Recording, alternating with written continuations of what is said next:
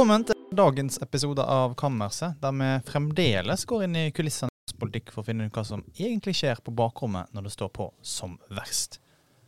Og hva skjedde egentlig på Arbeiderpartiets landsmøte? Hvor ble det av opprøret i Arbeiderpartiet? Det er det vi skal spørre i dag. Vi har med oss uh, Lars Inge Staveland, nyhetsredaktør. Berit Aalborg, politisk redaktør. Og meg sjøl. Vi står uten gjest i dag, men eh, noen ganger er det like greit at det er bare oss. Og mens, før vi går inn på kammer, så skal vi ta en liten tur inn om forværelse for å se på hva som har gjort inntrykk på oss siste uka. Begynner med deg, Berit. Hva har gjort inntrykk på deg? Ja, eh, det er mange ting. Men akkurat i morges så fikk vi en litt sånn trist nyhet i vår bransje. Også i, for så vidt i, i samfunnsdebatten i Norge. For Arne Strand, tidligere redaktør i, i Dagsavisen eller Arbeiderbladet, er død. Uh, og han var jo en slags bauta i vår bransje. De fleste av oss har snakka mye med han. Jeg har brukt mye tid på å diskutere med han, analyser, som vi ofte gjør med hverandre når vi treffes i stortingskantina og andre steder. Og han var en fyr som hadde utrolig dyp innsikt i norsk politikk, og da særlig Arbeiderpartiet, som jo er jobben til Dagsavisen eller Gamle Arbeiderblad. Og så var han jo også statssekretær hos Gro, så han hadde også vært på innsida sentralt i politikken, så han hadde mye viktig å bidra med. Og det er forferdelig vemodig at han er død. Han hadde vært sjuk i mange år, men nå er han borte. Så det er Jeg kjenner at det har gjort veldig inntrykk på meg i dag. Mm. 79 år, og vi så han nylig her i kantina. Absolutt. Her i Mentor Media. Du Lars Inge, hva har gjort inntrykk på deg? Uh, jeg hadde tenkt å si et eller annet om kunstig intelligens, men jeg tror jeg bare skal la være nå. Fordi det du sa om Arne Strand, kan jeg egentlig dele. Uh, det Ja. Um, kunstig intelligens kan vi komme tilbake til seinere, tror jeg. Ja. Uh, er, er, det liksom uh, blasfemisk av meg nå å si noe annet enn uh, Nei, det er det ikke. Går det greit? Uh, fordi um, denne uka så kom det en veldig uh, god bok, vil jeg si. kanskje en av de beste sakprosabøkene på norsk som jeg har lest. av Henrik Thune om de hemmelige forhandlingene med Gaddafi-regimet i Libya.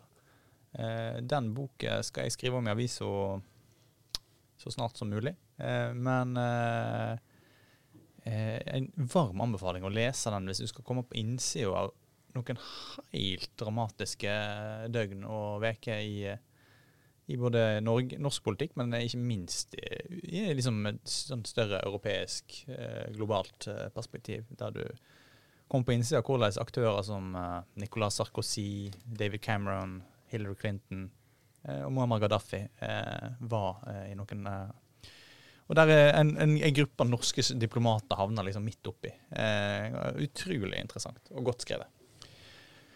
Så den eh, anbefalingen er herved dit. Uh, vi er da klare for å gå inn på kammerset, og der er det jo bare oss sjøl. Vi møter oss sjøl i døra. Uh, og du, Berit, du um, har vært veldig opptatt av, uh, av, hva som skjedde på Arbeiderpartiets landsmøte. Både du og jeg har jo skrevet kommentarer om det. Men hvor ble det av opprøret? Nei, det er veldig interessant. Og, og jeg, eh, det, er, det, er, mange forklaringer på dette. Altså. Men aller først så tror jeg vi må si at det, eh, noe av det som skjedde før, altså det opprøret som skjedde før, og den frustrasjonen som fins i deler av Arbeiderpartiet, som jeg skal komme litt tilbake til, den førte nok til at det blei såpass mye bråk at når man først samla seg til landsmøtet, så tror jeg det var et enormt Og, og også pga. de dårlige målingene som har vært over lang tid, så tror jeg det var enormt behov for liksom å samle seg og løfte fram Støre og løfte fram liksom prosjektet veldig. Og, og, det var jo ganske sånn interessant når, når Jonas Gahr Støre gikk frem og ble klappa. ikke sant? Det var en sånn veldig sånn varm klapp for han. Han har jo fått så mye trøkk. Eh, ikke bare nå på kort de siste ukene, men over lang sikt. Så, så, fikk han så varm og lang applaus at han felte en tåre fra talerstolen. Og jeg tror på en måte at når han gjorde det, så satte det nesten litt sånn standard for landsmøtet. For alle så at han var et menneske som sto der oppe, og som blei rørt, uh, og som syntes det var utrolig fint å få applaus fra sine egne. Men så har det jo vært veldig mye frustrasjon, og um, jeg har snakka mye med Ap-folk i ukene før landsmøtet, og noe av det som jeg tror kanskje dagens partiledelse på en måte underkjenner litt, det er den frustrasjonen utafor de, de sterke maktmiljøene i Arbeiderpartiet, som jeg kan beskrive sånn grovt sett da, som en akse mellom Trønder-Ap, Akershus-Ap og deler av fagbevegelsen. Og de bestemmer veldig mye, og de har mye makt. Og de kan på en måte liksom påvirke sammensetninga av det nye sentralstyret og ledelsen. Og det, det gjør de nok. Og de, eh, det som jo sies, da, at andre folk er liksom lei av at de har trua seg til posisjoner og trua seg til sammensetninga av sentralstyret. Og liksom true med at eh, hvis ikke vi får inn de og de folkene i ledelsen, så vil vi ikke støtte de og de. Og, og de har liksom brukt liksom makt og brekkstang for å få det som de vil, da. Og, og noen av konsekvensene som vi kan se, det er jo at eh, Og dette er jo liksom den gamle Giskefløyen. Nå er nok han litt marginalisert i det miljøet, men det miljøet som på en måte han har vært en del av. De har jo f.eks. greid å holde Hadia Tajik utafor. Hun er en av de dyktigste politikerne i Arbeiderpartiet, og faktisk også i Norge. Eh, og de har greid å holde eh, Stenseng i posisjon, selv om hun er upopulær i store deler av partiet. Og de har også greid å gjøre en del andre ting med den sammensetninga eh, som jeg tenker at mange reagerer litt på. Da. Og det er en frustrasjon der ute. Men man greide da liksom å og dette miljøet, og også Støre for så vidt, og også det behovet for å liksom samle seg, gjorde at man på mange måter liksom var på plass når landsmøtet begynte. Det var ingen som liksom orka å ta den belastninga og skape bråk på landsmøtet, for folk er veldig slitne av konflikt.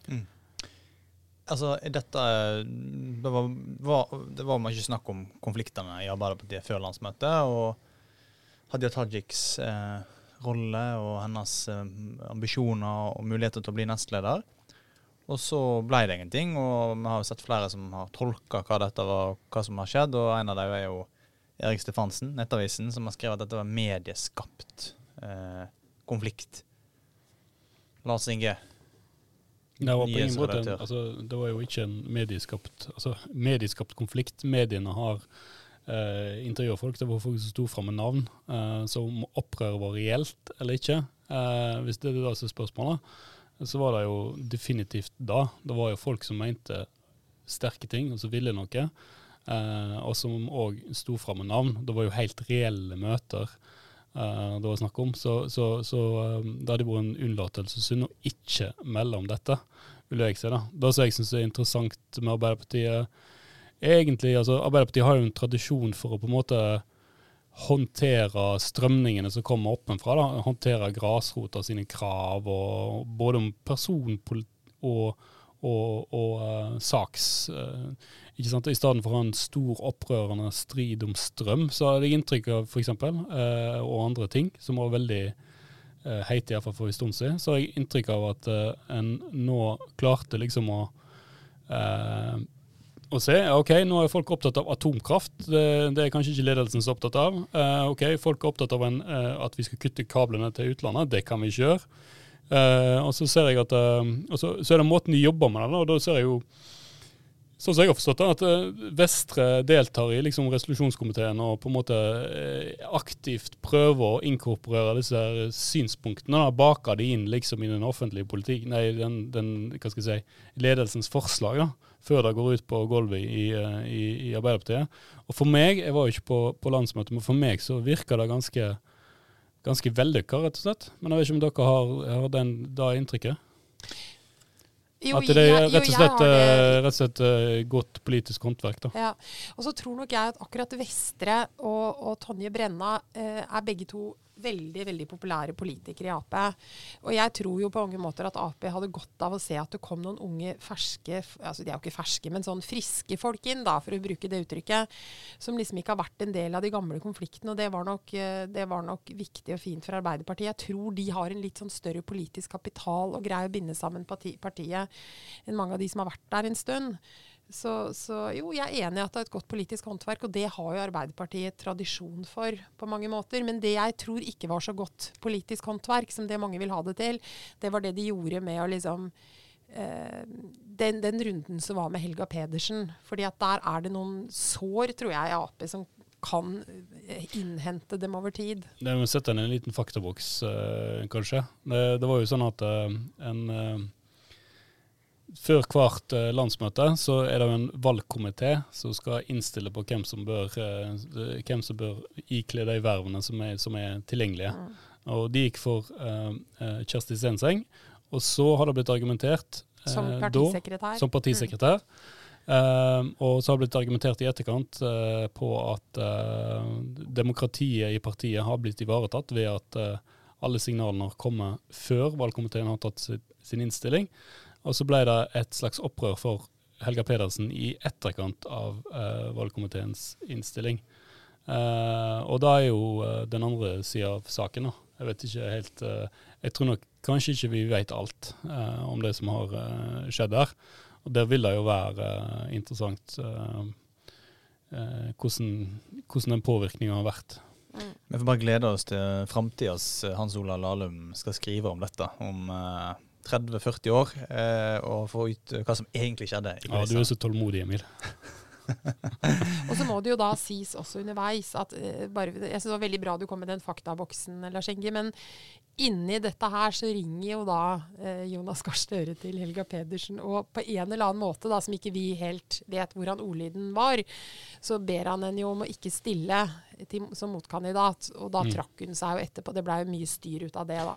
Men ja, det- det han signaliserer i alle fall at, Ja. uh, at dette er ikke noe han ønsker. Ja. Og at hun ikke har støtte i den sentrale partiledelsen, hvis vi skal tro det vi har lest om dette. Og, de Og så kan et spørsmål, altså, ikke sant? Altså, Arbeiderpartiet er jo flink til å utøve og forvalte makt. Hvor uvanlig var det at partilederen gjorde det? Hadde han fått kritikk for å ikke gjort det, dersom det hadde vært en åpent satslag på, på partiets landsmøte? Jeg tenker dette er, dette er liksom Murphys lov. da. Uansett hva Støre gjør i denne situasjonen her, og med den uh, situasjonen han står i, så, så blir det feil. Eh, og Derfor fikk han mye kritikk for dette òg. Jens Stoltenberg ville ikke fått den kritikken. Erna Solberg ville ikke fått den kritikken. De ville kanskje fått kritikk, men den ville ikke fått tyngde imot det. Men den Den- fikk ikke tyngde på landsmøtet. Ikke på altså. men før så var det jo ganske mange da. Det fikk mye oppmerksomhet. Ja, vi kan jo diskutere hvor tung den, den kritikken egentlig var, da. Det var jo kritikk fra enkelte og sånn, men eh, og så var det mange, ferdig. og så var det, det skal også sies i rettferdighetens navn, det var mange som syntes at dette viste handlekraft fra Støre. Ja, jeg tror det. Så, så, så, øh, og særlig i de kanskje miljøene, da, sånn som jeg snakka med på landsmøtet, som, som heia på at han gjorde og ønska at Kjersti Stenseng skulle fortsette, de syns han viste handlekraft. Så jeg, jeg, jeg opplever ikke at det er blitt stående igjen som en sånn veldig stor liksom, blemme, men jeg tror det er noe sår der, fordi at nå sitter jo hele ledelsen fra sentrale Østlandet, og Kjersti Stenseng er ikke en populær partisekretær. Og dersom dersom valgkampen kommer til å gå dårlig for Arbeiderpartiet, så kommer dette til å henge ved henne. Men dersom hun greier det bra, så tror jeg denne saken Jeg tror jeg er helt enig. Jeg tror det er liksom sånn som det heter i, i, i bransjen, skulle jeg si. Altså, det er litt sånn avhengig av KPI, går. KPI-ene, skulle jeg si. Altså Ja. resultatene når en kommer til september. Jeg tror, altså at en partisekretær nødvendigvis skal være populær, er sikkert eh, viktig, men resultatene er viktigere, tror jeg. Altså. Jeg Og da eh, Nå er det mye folk fra bransjen som hører på denne podkasten, men hva er en kopi? eh? Key performance indicator. Ja, veldig bra. Da kan en eh, måle sånne ting. eh, sånn, hvor mange flere lyttere får kammerset av at Emil snakker i ti minutter ekstra? Sånne ting kan vi, det kan vi måle hvis vi vil. Vi vil ikke. Mange, uh, lytter. Mange lyttere. Ja. Sjøl har jeg jo skrevet da en, eh, en tekst eh, eh, som har fått en del tyn, vil jeg si, eh, for noen. Og, Men som er veldig god, vil jeg si. ja, den har fått mye støtte òg. Du liker å få tyn, Emil? Jeg liker å få tyn. Jeg er en uh, Liker det. Eh, og, um, og det er jo da Civit da, som har eh, stått i bresjen for kritikken eh, mot denne teksten. Kristin Clemet og Bård Larsen har skrevet innlegg på Civita. Kristin Clemet har vært aktiv i sosiale medier. Og ymse høyrefolk. Eh, og i denne teksten så anklager jeg eh, høyresida eh, i valgkampen og i tida før 2017 for å drive ganske målretta negativ kampanje mot Jonas Gahr Støre og hans eh, bakgrunn som rik, ung mann. Eh, som tidligere hadde vært en liksom, styrke for Støre. At han var en rik mann som hadde valgt sosialdemokratiet, ble plutselig en svakhet for han. Og jeg kobler dette til noen år etter at han ble partileder, eh, og skriver om dette som en reiseskildring fra Norges mest populære partileder til den sterkt kritiserte statsministeren han nå er. Og jeg tror at eh, det skjedde en endring nå på landsmøtet, eh, som du òg er inne på, Berit. At dette ble en slags vendepunkt for Støre, kanskje. Eh, når han dansa på bordet etter landsmøtefesten og, og, var, og kjente liksom lettelsen over at dette her landsmøtet gikk bra, eh, et, med Arbeiderpartiet i regjering, med han som statsminister. Partiet klarte å samle seg. Eh, det var kanskje et vendepunkt i den reisefortellinga, da. Um, men mange i Høyre de mener at dette ikke uh, skjedde. Uh, at, at det ikke var Nå ser jeg at Lars Inge har ja, altså jeg, jeg, kan jo anbefale Emilsen tekst, men jeg kan jo òg anbefale motteksten til Bård Larsen. Jeg, jeg, jeg syns det er kjempeinteressant å vurdere eh, såkalt skittkasting, eh, negativ campaigning og den type ting. Jeg tror nok ja, er, kan du forklare hva det er, du som, vært, du som er redaktør og har vært nyhetsleder. Hva, hva, er liksom, hva er skittkasting? Hva er det partiene da gjør? Nei, altså, strengt tatt altså, Hvis du skal ha en kandidat valgt, hva strategi bruker du da? Forteller du utelukkende om hvordan denne kandidaten er den desidert beste og har den beste politikken for å drive landet? Eller snur du eh, søkelyset mot motkandidaten og fokuserer på hvor udyktig og hvor eh, eh, hjelpeløs eh, vedkommende er eh, for å drive eh, for å drive landet videre. da. Eh, og Så tror jeg det er liksom naivt å tro at uh, dette ikke skjer i Norge. Eh, og ikke sant, altså I USA så er jo dette, er jo dette Det er jo det, på en måte den negative kampanjen som er liksom i førersetet. Og enkelte politikere har jo gjort det til sin hovedgreie. Det ser en jo hver dag. Jeg tror det er naivt å tro at Høyre ikke har tenkt uh, dette bildet av, av Støre som en, som en tåkefyrste ikke vil gagne deg på noe vis. Og det tror jeg Det jeg tror uh, du overdriver litt, Emil, er at uh, jeg tror, ja, jeg tror uh, de, har, de, har, bidratt til å, til å liksom fyrt opp et bål rundt han som en, en tåkefyrste. det er jeg ganske sikker på har skjedd, men jeg er litt usikker på hvor stort det bålet var. Uh, og så er jeg litt usikker på om det er et vendepunkt nå. Jeg tror nok uh, Støre har en del uh, skyld i det sjøl, altså. og jeg tror det, det, er noe helt annet å være, å være utenriksminister enn å være statsminister og, og, helseminister. Og jeg tror nok kanskje det er viktigere. Og så tror jeg kanskje Høyre, Høyre klarte jo, klarte jo Den viktigste som Høyre har gjort, har jo vært klart å endre bildet av Erna Solberg for å være en grå, nerdete En grå mus, som Eli Hagen skrev i boka si, til å bruke liksom hennes uh, saksfokus uh, til noe positivt. Da, og si at Høyre At Erna Solberg er en person som lyser kontroll. Hun er liksom hun, Kontroll og styringsdyktighet. Eh, og så kjørte de på med alt fra fra Snapchat til, til, Facebook og masse greier med det. Så jeg tror egentlig eh, ja, eh, det skjedde, men jeg tror ikke det var så viktig eh, i den store sammenhengen om Høyre skulle ha bidratt til det. For jeg tror, jeg tror eh, Jonas Gahr Støre gjorde det sjøl. Og så har, har, det vært veldig mange sånne såkalte vendepunkter. da. Jeg tenkte at ja, men Støre må bare bli statsminister, så kan vi på en måte Han, han vil være mer, en bedre statsminister enn han var opposisjonsleder. Uh, samme før han ble statsminister. Uh, og så Det var et vendepunkt. Og så danser han på bordene nå. Det er jo sånn som er i vårt land. Pietistene er jo skeptiske til det. Uh, men uh, ja, det var tvengt, Nei, ikke den, ikke den forhåndværende mørkemannen.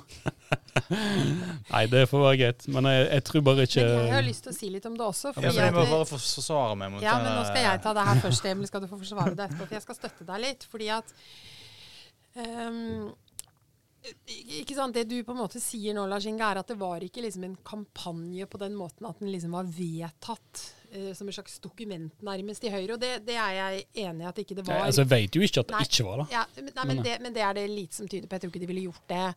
Men det som vi ikke skal glemme her, det er at i den perioden som Høyre satt med makta, så hadde de sannsynligvis i Norges historie frem til nå de mest rå spinndoktorene med Sigbjørn Aanes i front. Og de har hatt det. Og de har solgt inn mye pakker til redaksjoner. Og du og jeg som har vært i Ja, nå, jo, nå kom du fra Aftenposten og hit, og jeg har vært i flere redaksjoner, vet hvordan de solgte veldig aktivt inn en del sånne pakker, bl.a. på liksom forskjellige deler av Høyre, bl.a. på hvordan Støre økonomisk var. Altså Det var mange sånne ting. Eh, og de har vært flinke og systematiske. Så det kan hende at det på en måte framsto mer som en slags sånn plan, men de gjorde det veldig tydelig. Uh, men Jens Stoltenberg og hadde dyktige spinndoktorer. Ja, som, ja, han hadde også ja. det. Men, men, Støre har kanskje ikke hatt det. De har hatt noen, men de har kanskje ikke vært så kyniske og rå. Men kan jeg bare få si en ting til?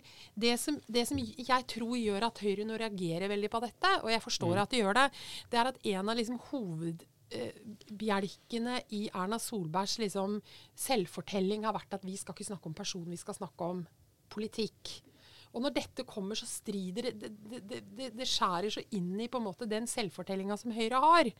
Og Det er derfor jeg tror de reagerer veldig på det. Og så er det jo interessant at det ikke er liksom det sentrale Høyre selv som svarer på det, men det er Civita og det er uh, Minerv Altså det er liksom de miljøene rundt, da. Mm. Og så er det jo, uh, kan jo si hvor viktig var det, hvor viktig var det ikke, men det førte jo til sjuende og sist i valgkampen i 2017 til at uh, om dette hadde noen påvirkning på valgresultatet til slutt, det er vanskelig å si hva som uh, vippa et valgresultat, men jeg syns det var eh, naivt å tenke i hvert fall at det ikke hadde noen påvirkning på valgresultatet i 2017. En valgkamp jeg sjøl for øvrig var politisk rådgiver på borgerlig side og eh, eh, var tett på disse, denne spinnen, eller hvis vi kan si det sånn, som foregikk. Um, så jeg, jeg, husker det gikk en sånn derre så, nesten lys opp for meg eh, den sommeren før eh, valget, det var vel i 2017. ikke sant? Og så snakket med folk som ikke var inne i andedammen vår, som ikke jobba med politikk og sånne ting, om Støre. Og så var det sånn eh, Jeg får ikke helt taket på han, sa folk.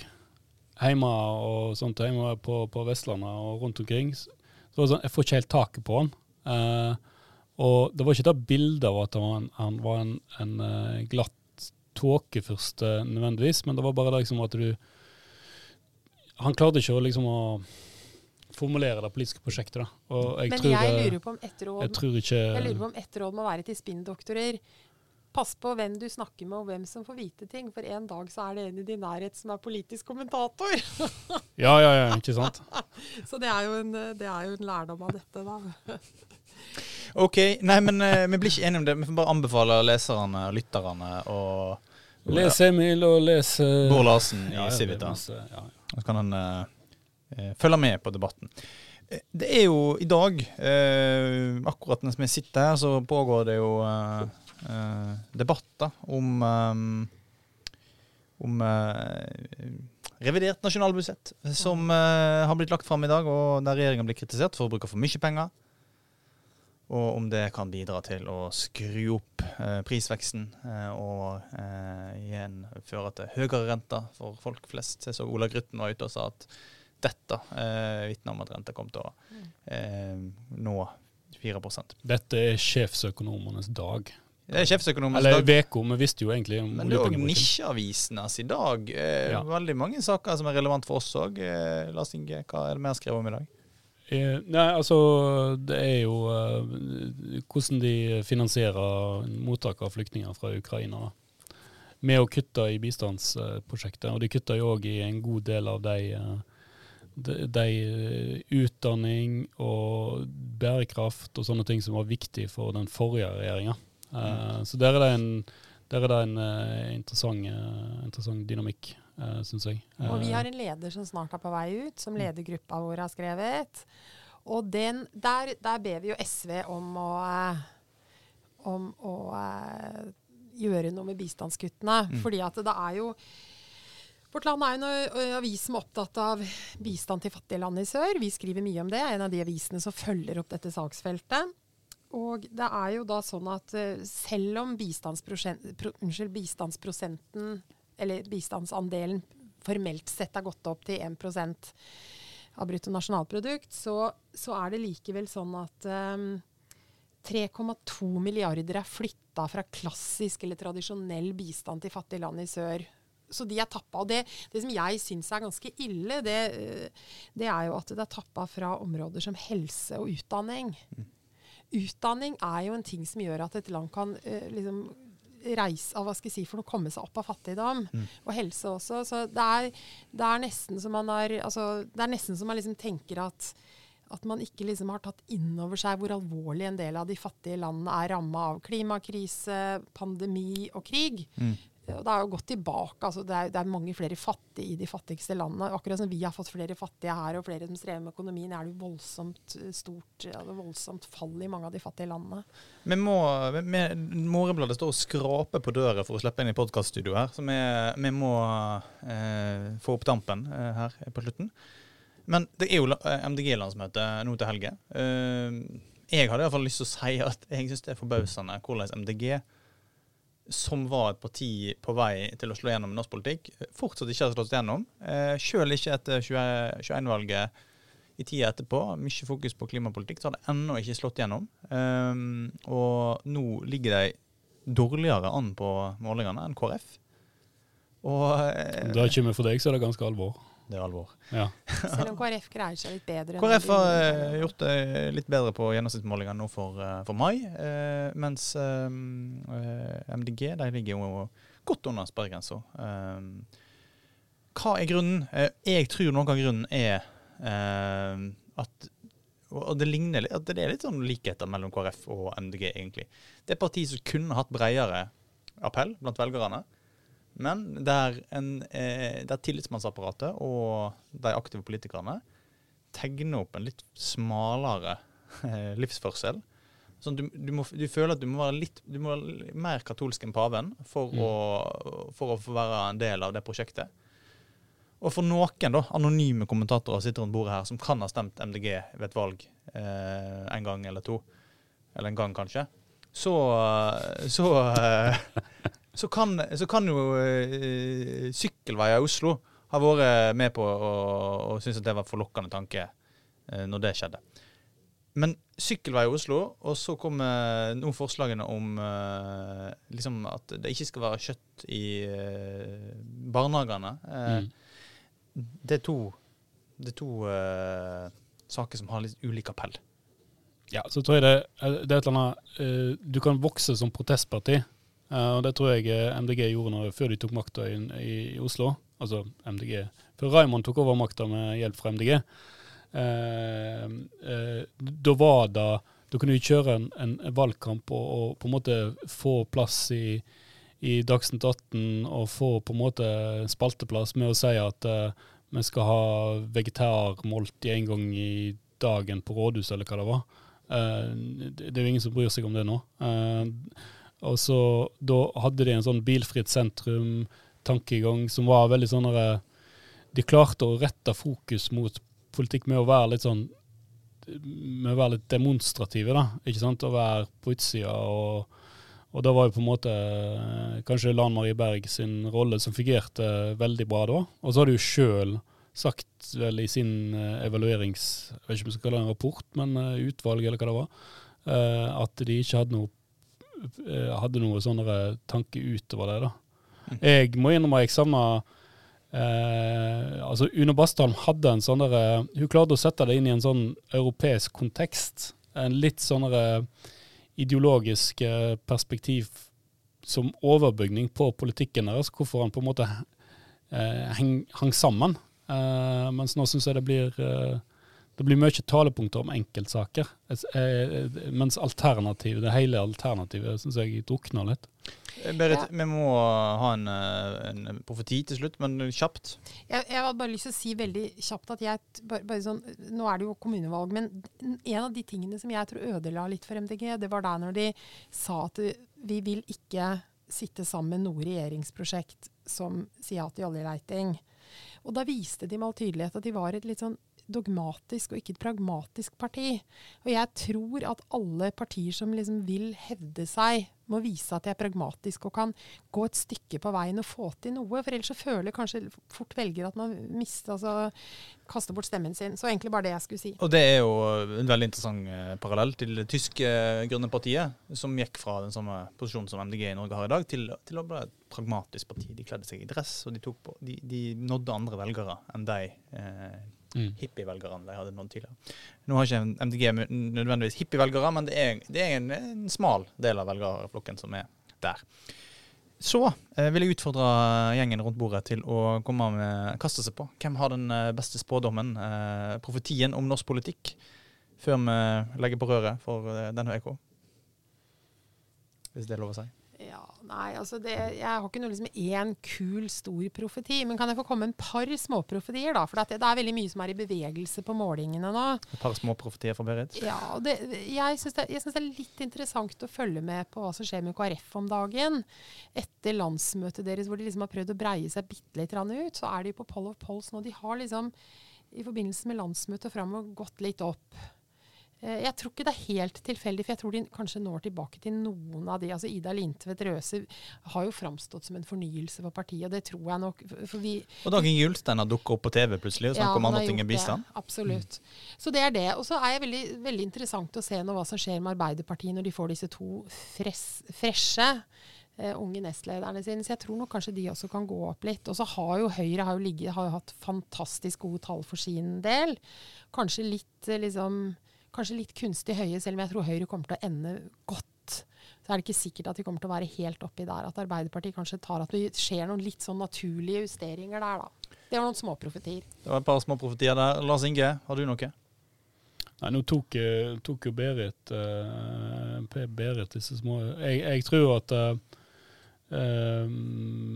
Jeg tror at uh, Venstre kommer til å styrke seg litt uh, framover før valget.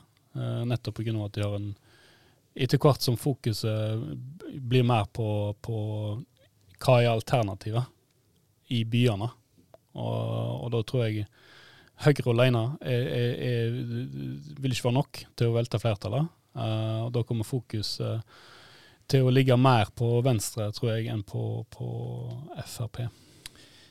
Og sjøl så kommer vi med den minst uh, freidige profetien, og det er at Hadia Tajik blir minister i regjeringa en gang etter valget. Uh, sånn som vi har forstått. Uh, hun ble jo utnevnt av Jonas Gahr Støre til minister på It ain't over yet, sa han på, på landsmøtefesten. Og det bare gikk et sus igjen. Jeg var der på landsmøtefesten. Det gikk et sus igjen og forsamlinga. Alle forsto at, Alle forsto at dette var avtalt spill. Ja. ja. Det blir spennende. Uh, den har jo jeg eh, spådd tidligere. Så jeg kan bare ja, du, du spådde vel at du skulle bli statsråd nå? Uh, innkassere den når den kommer. Og så sier vi Du tok feil av tidspunktet, Emil. Bare innrøm det. Tusen takk for at dere lytter, og send oss gjerne ris, ros, tips eller andre ting på e-post kammerset, alfakrøll.no, og så er vi tilbake med en ny episode snart.